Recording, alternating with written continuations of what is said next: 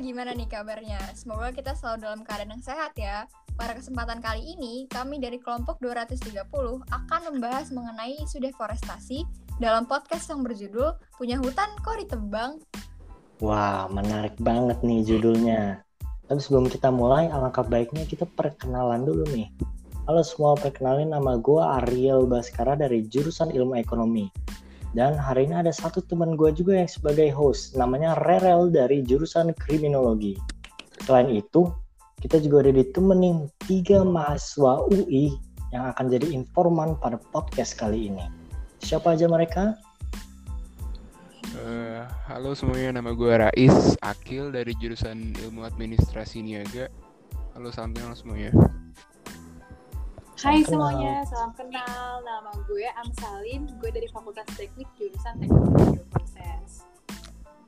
Salam kenal. Salam kenal. Halo semuanya, salam kenal ya. Gue Bisma dari jurusan Ilmu Hukum. Salam kenal. Salam juga. Wah, keren-keren banget nih jurusan-jurusan teman-teman kita. Nah, yuk tanpa berlama-lama lagi kita langsung mulai ke inti podcastnya gue akan mulai dengan pertanyaan yang paling mendasar nih teman-teman. Sebenarnya apa sih deforestasi hutan? Eh, oke, jadi deforestasi itu kegiatan pengubahan area hutan menjadi lahan yang tidak berhutan secara permanen. Tujuannya itu buat aktivi uh, kepentingan aktivitas manusia secara nggak langsung. Deforestasi ini tuh nantinya mengubah fungsi hutan yang awalnya untuk pelestarian hutan serta ekosistemnya diubah kegunaannya demi kebutuhan kehidupan manusia itu sendiri. Wah, berarti parah banget dong ya kalau misalnya hal ini dibiarkan terjadi secara terus-menerus. Kira-kira kalian bisa jabarin nggak nih keadaan terkini deforestasi di Indonesia? Kayak udah terjadi di daerah mana atau mungkin udah separah apa gitu? Hmm, gue bisa jelasin nih teman-teman. Nah, gue mau jelasin aja ya. Menurut data organisasi lingkungan WWF, Indonesia, penyebaran deforestasi di Indonesia itu rata-rata terjadi di hutan Sumatera dan juga hutan Kalimantan. Perlu diketahui juga, ternyata dua wilayah ini tuh masuk dalam 11 wilayah di dunia yang berkontribusi terhadap lebih dari 80% deforestasi secara global hingga tahun 2030. Nah, penyebaran deforestasi di kedua pulau ini pun cukup parah nih guys. Hal ini tuh disebabkan berbagai proyek pembangunan dan jalan rel kereta yang dilakuin sehingga memutus konektivitas habitat hutan di Kalimantan dari yang 85,9% hingga menjadi 55%. Banyak banget kan ya? Banyak banget, bener. Eh, tapi tunggu dulu nih. Ada juga nih data lain yang menunjukkan bahwa secara rata-rata selama 10 tahun kegiatan deforestasi di Indonesia terjadi tidak hanya di Pulau Kalimantan dan Sumatera saja loh, melainkan juga banyak di kawasan-kawasan lain yang tidak mem tidak ditujukan untuk kehutanan, misalkan di daerah yang tujuannya untuk pembangunan, perkebunan, pertanian, dan maupun infrastruktur. Wow, parah juga ya. Iya ya, kan oh kan kalian tadi udah jelasin nih persebarannya di mana aja di Indonesia. Tapi secara lebih rinci, udah seberapa parah sih deforestasi ini? Kenapa anak muda seperti kita harus peduli tentang isu ini? Hmm, benar tuh. Oke, okay, berarti gue bakal jelasin ya kali ini. Jadi FYI aja nih teman-teman. Selama 75 tahun Indonesia udah merdeka, kita itu udah kehilangan hutan alam lebih dari 23 juta hektare atau setara dengan 75 kali UAS Provinsi Yogyakarta. Ingin tuh 75 kali luasnya dari Provinsi Yogyakarta. Segede apa ya? Wah, rugi banget gak sih kita udah kehilangan dan hal ini tuh bisa terjadi di masa yang akan datang Selain itu tuh ada informasi lain juga nih teman-teman. Provinsi yang menyumbangkan angka deforestasi terbesar tuh Riau dengan total deforestasi 142 HA tahun lalu dari data Badan Pusat Statistik. Bisa kita lihat tuh teman-teman di televisi berita tentang kebakaran hutan yang yang hampir setengah hutannya tuh kebakar. Bahkan uh, warga-warganya ada yang terkena penyakit dan juga banyak warga-warganya yang mengalami gagal panen. Bahkan sampai jadi bencana nasional. Ngeri banget gak sih ya efeknya? Ngeri. Waduh parah. Tapi deforestasi ini juga bisa mengakibatkan sisi negatif lainnya loh teman-teman. Kayak misalnya nih banyak yang perdagangan hewan contohnya di Kalimantan Tengah itu. Dan juga hutan gambut tropis ini membawa risiko tinggi pada penyebarnya bibit penyakit ke hewan maupun manusia juga loh. Wow, berarti maraknya penyebaran deforestasi ini tuh nggak cuma berdampak buat kelestarian alam dan lingkungan Indonesia doang ya, tapi juga membawa dampak-dampak negatif yang di luar dugaan kita sebelumnya bagi masyarakat lokal, apalagi yang tinggal di sekitar area deforestasi. Nah, pembahasan kita semakin menarik nih. Kayak yang udah disinggung di pertanyaan sebelumnya, mungkin biar lebih jelas kita bahas aja ya. Apa sih dampak yang ditimbulkan dari deforestasi? Nih, jadi nih ngomongin soal dampaknya nih. Dampak pastinya yang akan berpengaruh adalah bagi hewan atau fauna yang pastinya mereka itu kehilangan tempat tinggalnya dan berakibat mereka tuh mencari tempat tinggal baru di luar jangkauan daerah habitat aslinya. Hal ini juga pasti akan berdampak pada kematian dan kepunahan spesies itu sendiri karena akan akan kesulitan mencari makan dan tempat tinggalnya. Nah, parahnya lagi nih, hal ini tuh juga bisa meningkatkan konflik antara satwa liar dengan manusia loh. Selanjutnya tuh para illegal trader akan semakin mudah memburu hewan langka dan eksotis buat diperjualbelikan dengan harga yang sangat tinggi. Deforestasi itu juga menyebabkan naiknya gas kaca dunia loh, kebakaran hutan, lahan dan lahan yang meningkat, serta daya regulasi hidrologi dan dari hutan yang menurun drastis. Hmm, tadi kan Bisma pernah sempat nyebut fauna kehilangan tempat tinggalnya tuh teman-teman. Gue jadi ingat satu berita ada orang hutan yang tersesat di tengah tambang nyari-nyari rumahnya. Kalian dengar juga nggak berita itu? Iya, gue lihat Iya. Gue lihat beritanya. Sedih, Sedih banget. banget ya muka orang hutannya nyari-nyari rumahnya. Gue yakin pasti nggak sedikit dari hewan-hewan yang merasakan itu teman-teman. Nah oke okay. kalau ngomongin deforestasi gue yakin kita nggak cuma bisa menyalahkan pemerintah nih karena eh, deforestasi itu kan intinya terjadi karena keingin untuk memenuhi keinginan dan kebutuhan kita manusia. Nah, karena itu muncul satu pertanyaan di pikiran gue. Kenapa sih anak muda juga harus ikut berperan dalam menolak deforestasi? Gue bakalan jawab nih pertanyaan kali ini.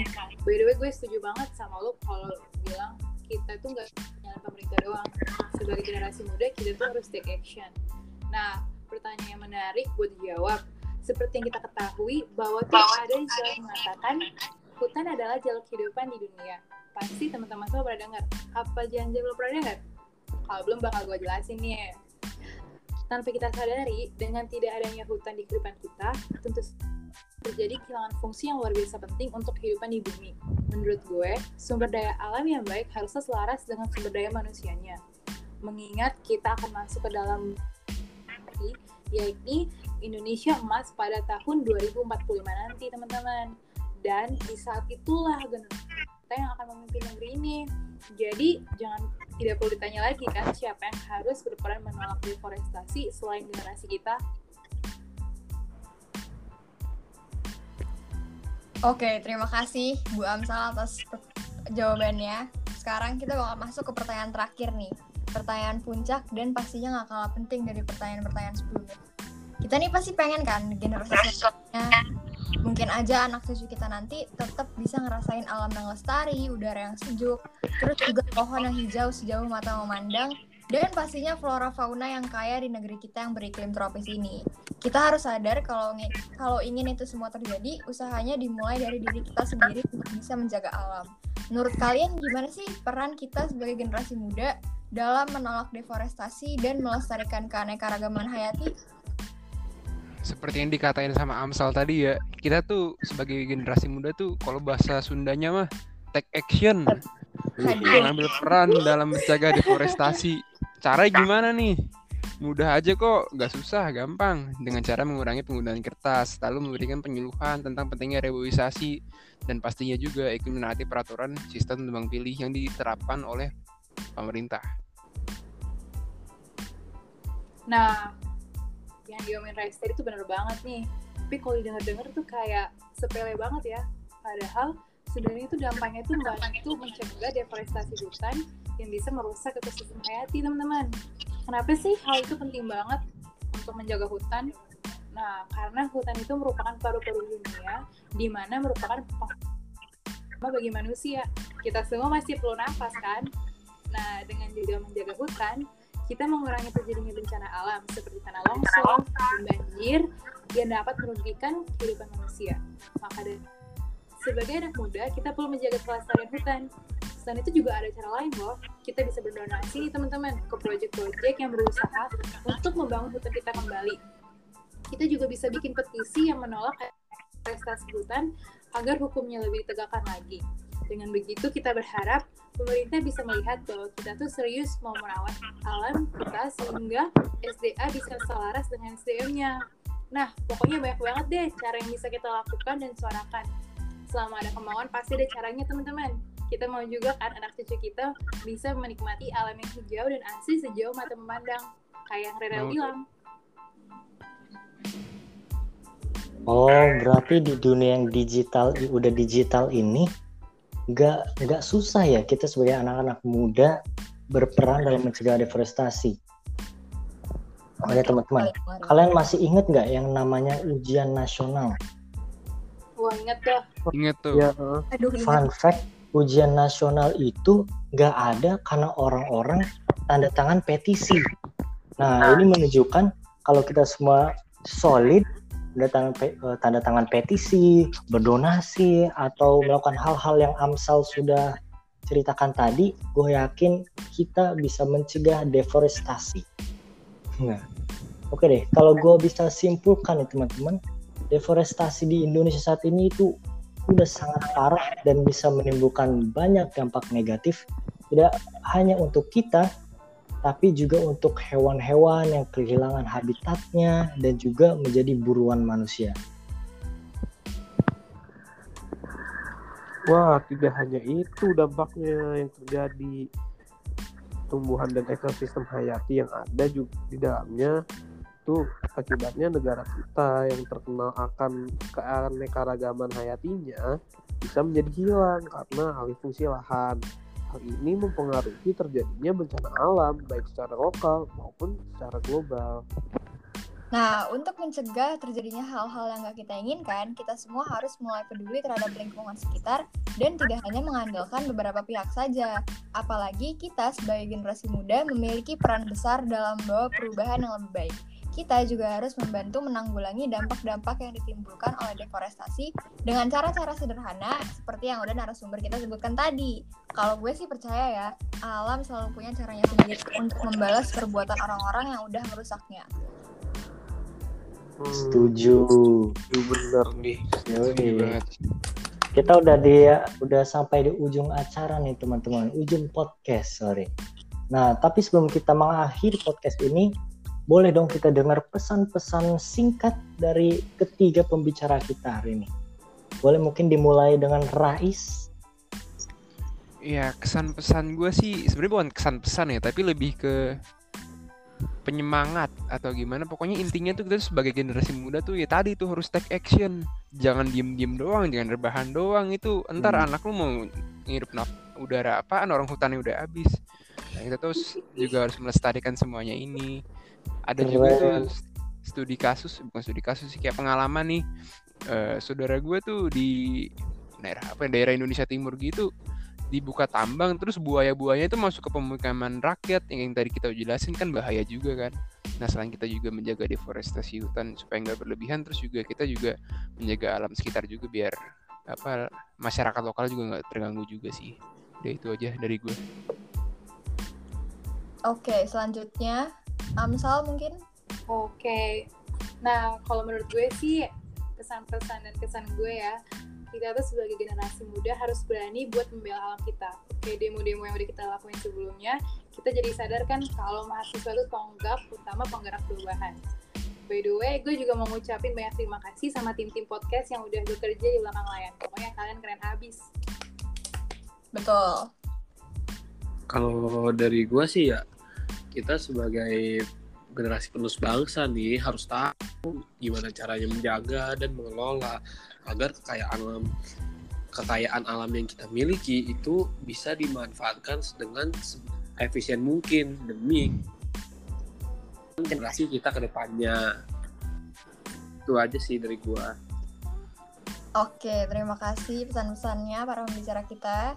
Kayaknya cukup ya pembahasan kita hari ini mengenai deforestasi. Semoga pembahasan kita barusan bisa bermanfaat dan menambah pengetahuan para pendengar. Gue Raral dan rekan gue Arel pamit undur diri. Sampai jumpa pada podcast selanjutnya. Dadah! Dadah. Dadah, makasih semuanya. Terima kasih semua.